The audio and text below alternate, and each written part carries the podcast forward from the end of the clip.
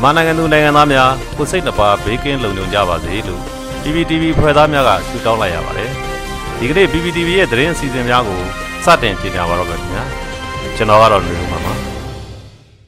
ပထမဆုံးတင်ပြပေးမယ့်သတင်းကတော့နိုင်ငံတကာပါလီမန်များညီလာခံ IPU သို့ CRPH ဥက္ကဋ္ဌဦးအောင်ကျင်းညွန့်တက်ရောက်ပြီး မြန်မာနိုင်ငံအခြေအနေဆိုင်ရာတပ်သိခံချက် testimony ကိုပြောကြားခဲ့တဲ့သတင်းပဲဖြစ်ပါတယ်မနေ့ကမေလ25ရက်နေ့မှာအွန်လိုင်းစနစ်နဲ့ကျင်းပခဲ့တဲ့142ကြိမ်မြောက်နိုင်ငံတကာပါလီမန်များညီလာခံကိုပြည်ထောင်စုလွှတ်တော်ကိုစားပြုကော်မတီ CRPH ဥက္ကဋ္ဌ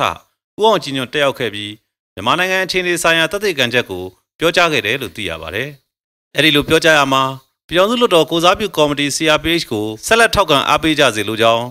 CRPH ကိုခိုင်ခိုင်မာမာယက်တီထောက်ခံအားပေးကြတဲ့နိုင်ငံတကာပါလီမန်အမတ်များအဖွဲ့ IPU ဥက္ကဋ္ဌအဖွဲ့ဝင်များနဲ့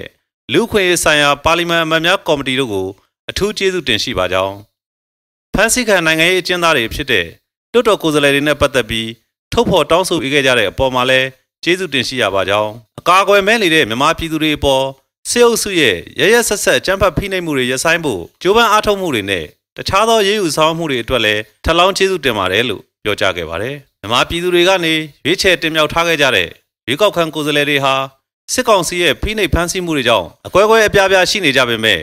ရောက်ရနေရာကနေပြည်သူတွေကိုကိုစားပြုပြီးသူတို့ရဲ့တာဝန်တွေကိုဆက်လက်ထမ်းဆောင်နေကြပါကြောင်းဒေါအောင်ဆန်းစုကြည်ဦးဆောင်တဲ့မြို့သားဒီမိုကရေစီအဖွဲ့ချုပ်ကိုဖျက်သိမ်းပစ်ဖို့ချင်းချောက်မှုတွေနဲ့ရင်ဆိုင်နေရကြောင်းဗိုလ်ချုပ်မူကြီးမင်းအောင်လှိုင်ရဲ့အဲ့ဒီလိုဥပဒေကိုကျော်လွန်နေတဲ့လှုပ်ဆောင်ချက်တွေဟာပြည်သူလူထုလိုလားတောင်းတနေတဲ့ပြည်သူအစိုးရစစ်စစ်ကိုရရှိဖို့ဆန္ဒကိုတော့ ပြောင်းလဲပြစ်နိုင်မှာမဟုတ်ကြောင်းမြန်မာနိုင်ငံမှာလူ့အခွင့်အရေးနဲ့ဒီမိုကရေစီစည်းမျဉ်းတွေကိုထိမ့်သိမ်းနိုင်ဖို့ပြည်ထောင်စုလွှတ်တော်ကိုစားပြုကော်မတီ CRPH ကိုအတိမတ်ပြုပြီး2020ရွေးကောက်ပွဲမှာရွေးကောက်ခံခဲ့ရတဲ့လွှတ်တော်ကိုယ်စားလှယ်တွေကိုထောက်ခံအားပေးကြဖို့နိုင်ငံတကာပါလီမန်အမတ်တွေအနေနဲ့သက်ဆိုင်ရာပါလီမန်တွေမှာတောင်းဆိုပေးကြစေလိုကြောင်းနိုင်ငံတကာပါလီမန်အမတ်တွေရဲ့တက်တက်ကြွကြွထောက်ခံအားပေးမှုနဲ့မြန်မာနိုင်ငံကလွှတ်တော်ကိုယ်စားလှယ်တွေဟာမြန်မာပြည်သူတွေအားလုံးအတွက်ယက်တီကြိုးပမ်းနိုင်မှာဖြစ်ပါကြောင်း ထည့်သွင်းပြောကြားခဲ့တယ်လို့သိရပါတယ်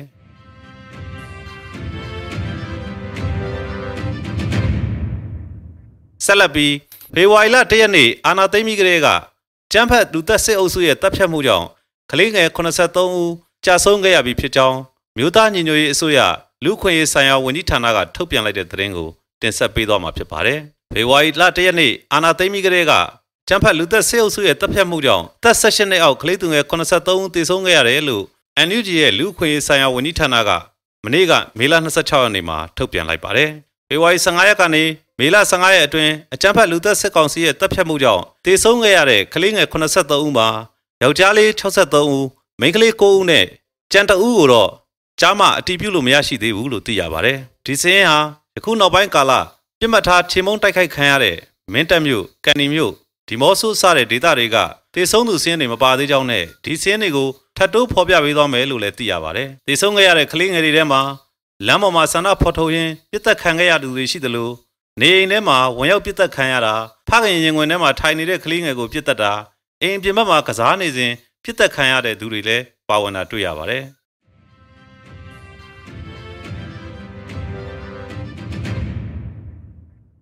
ကုဆက်လက်ပြီးဗြိတိန်ပါလီမန်က နိုင်ငံရေးရာကော်မတီရဲ့မြန်မာအရေးလိလာစုံစမ်းဖို့အစည်းအဝေးတရက်ကျင်းပခဲ့ကြောင်းနဲ့အဲ့ဒီအစည်းအဝေးကိုမြို့သားညီညွတ်ရေးအစိုးရပြည်ပဆိုင်ရာပူးပေါင်းဆောင်ရွက်ဝန်ကြီးဒေါက်တာဆာဆာတက်ရောက်ခဲ့တဲ့တဲ့ရင်ကိုတင်ဆက်ပေးသွားမှာဖြစ်ပါတယ်။ဗြိတိန်ပါလီမန်ရဲ့နိုင်ငံရေးရာကော်မတီကမြန်မာအရေးလိလာစုံစမ်းမှုအစည်းအဝေးတစ်ရက်ကိုမနေ့ကကျင်းပခဲ့ပါတယ်။ဒီအစည်းအဝေးကိုဝန်ကြီးဒေါက်တာဆာဆာတက်ရောက်ပြီးရှင်းလင်းတင်ပြခဲ့တယ်လို့သိရပါတယ်။ဒေါက်တာဆာဆာကလက်ရှိချိန်ဟာမြန်မာသမိုင်းမှာအမောင်မိုက်ဆုံးအချိန်ကာလတစ်ခုကိုရောက်ရှိနေပြီးမြန်မာနိုင်ငံဟာ ယာနှုံးပြည့်ပြည်တွင်းစစ်ကြီးတစ်ခုဖြစ်ခါနေအခြေအနေကိုရောက်ရှိနေပြီလို့အစည်းအဝေးမှာတင်ပြခဲ့ပါတယ်။မြို့သားညီညွတ်ရေးအစိုးရအနေနဲ့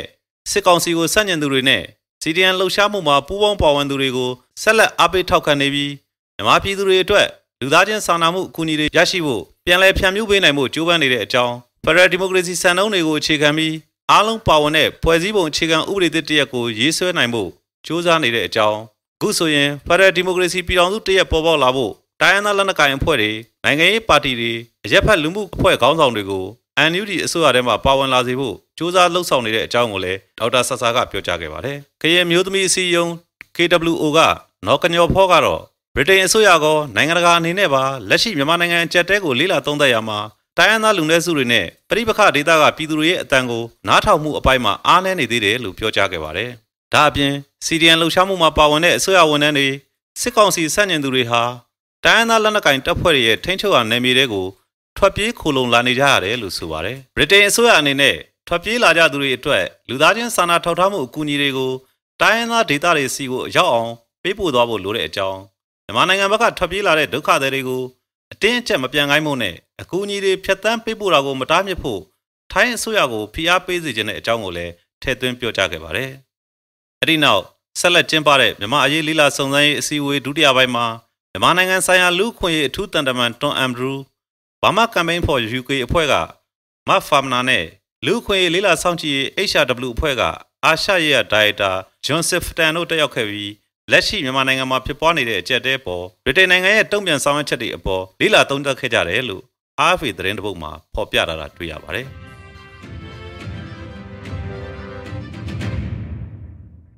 ဆက်လက်ပြီး မြို့သားညီညွတ်ရေးအစိုးရစီမံကိန်းဗန္နာရေးနဲ့ယင်းနှိမ့်မြုံနှမှုဝန်ကြီးဌာနကနိုင်ငံဝန်ထမ်းအမြဲတမ်းများကိုလစာနှစ်လစာအတိုးမဲ့ကြိုတင်ချင်းငွေများပြန်လည်ပေးဆက်ရမလို့အပ်သည့်ရှင်းမြင့်ငွေအဖြစ်သတ်မှတ်ထားပြီးဖြစ်ကြောင်းထပ်မံအသိပေးထုတ်ပြန်ကြေညာလိုက်တဲ့သတင်းကိုတင်ဆက်ပေးသွားမှာဖြစ်ပါတယ်။မြို့သားညီညွတ်ရေးအစိုးရစီမံကိန်းဗန္နာရေးနဲ့ယင်းနှိမ့်မြုံနှမှုဝန်ကြီးဌာနကနိုင်ငံဝန်ထမ်းအမြဲတမ်းများကိုလစာနှစ်လစာအတိုးမဲ့ကြိုတင်ထုတ်ချင်းငွေတွေကိုပြန်လည်ပေးဆက်ဖို့မလိုအပ်တဲ့ချင်းမြင့်ငွေအဖြစ် သတ်မှတ်ထားပြီးဖြစ်ကြောင်းထပ်မံအသိပေးတဲ့ကြေညာချက်အမှတ်2မြင်းဆောင်2021ကိုထုတ်ပြန်ကြေညာလိုက်တာဖြစ်ပါတယ်။ဒီကြေညာချက်မှာ Coronavirus Disease 2019 COVID-19 ကြောင့်ဖြစ်ပေါ်လာတဲ့တက်ရောက်မှုတွေအပေါ်ကုစားပေးနိုင်ရေးအတွက်နိုင်ငံဝန်ထမ်းအမြဲတမ်းများကိုလစာနှစ်လသာကြိုတင်ထုတ်ပေးတိုးမဲ့ချီးငွေအဖြစ်2020အောက်တိုဘာလမှစပြီးဆိုင်းငံကာလ6လပြန်ဆက်ကာလတစ်နှစ်သတ်မှတ်ပြီးပြည်သူ့ဆန္ဒနဲ့အညီရွေးကောက်ဖွဲ့စည်းခဲ့တဲ့ရတအစိုးရကထုတ်ချီးခဲ့ပါကြောင်း ဆိုပါချေးငွေတွေကို2020ပြည့်နှစ်နိုဝင်ဘာလရွေးကောက်ပွဲရလဒ်အရပြည်သူ့ဆန္ဒနဲ့အညီဖြစ်ထွန်းပေါ်ပေါက်လာတဲ့ကျွန်ုပ်တို့အစိုးရက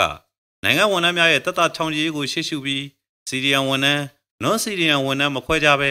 ပြန်လည်ပေးဆက်ရန်မလိုအပ်သည့်ချင်းမြင့်ငွေအဖြစ်ပြောင်းလဲသတ်မှတ်ပေးခဲ့ပြီးဖြစ်ပါကြောင်းပြည်သူလူထုရဲ့အခွန်ဘဏ္ဍာငွေတွေကိုတရားဝင်စီမံခန့်ခွဲပိုင်ခွင့်ရှိသူတွေဟာပြည်သူလူထုကိုယ်တိုင်ယုံကြည်စွာယူယုံကြည်စွာဆန္ဒမဲပေးရွေးချယ်လိုက်တဲ့အစိုးရသာဖြစ်ပါကြောင်း ပြည်သူလူထုရဲ့ဆန္ဒကိုအလေးမထားလေးလူရှုပြီး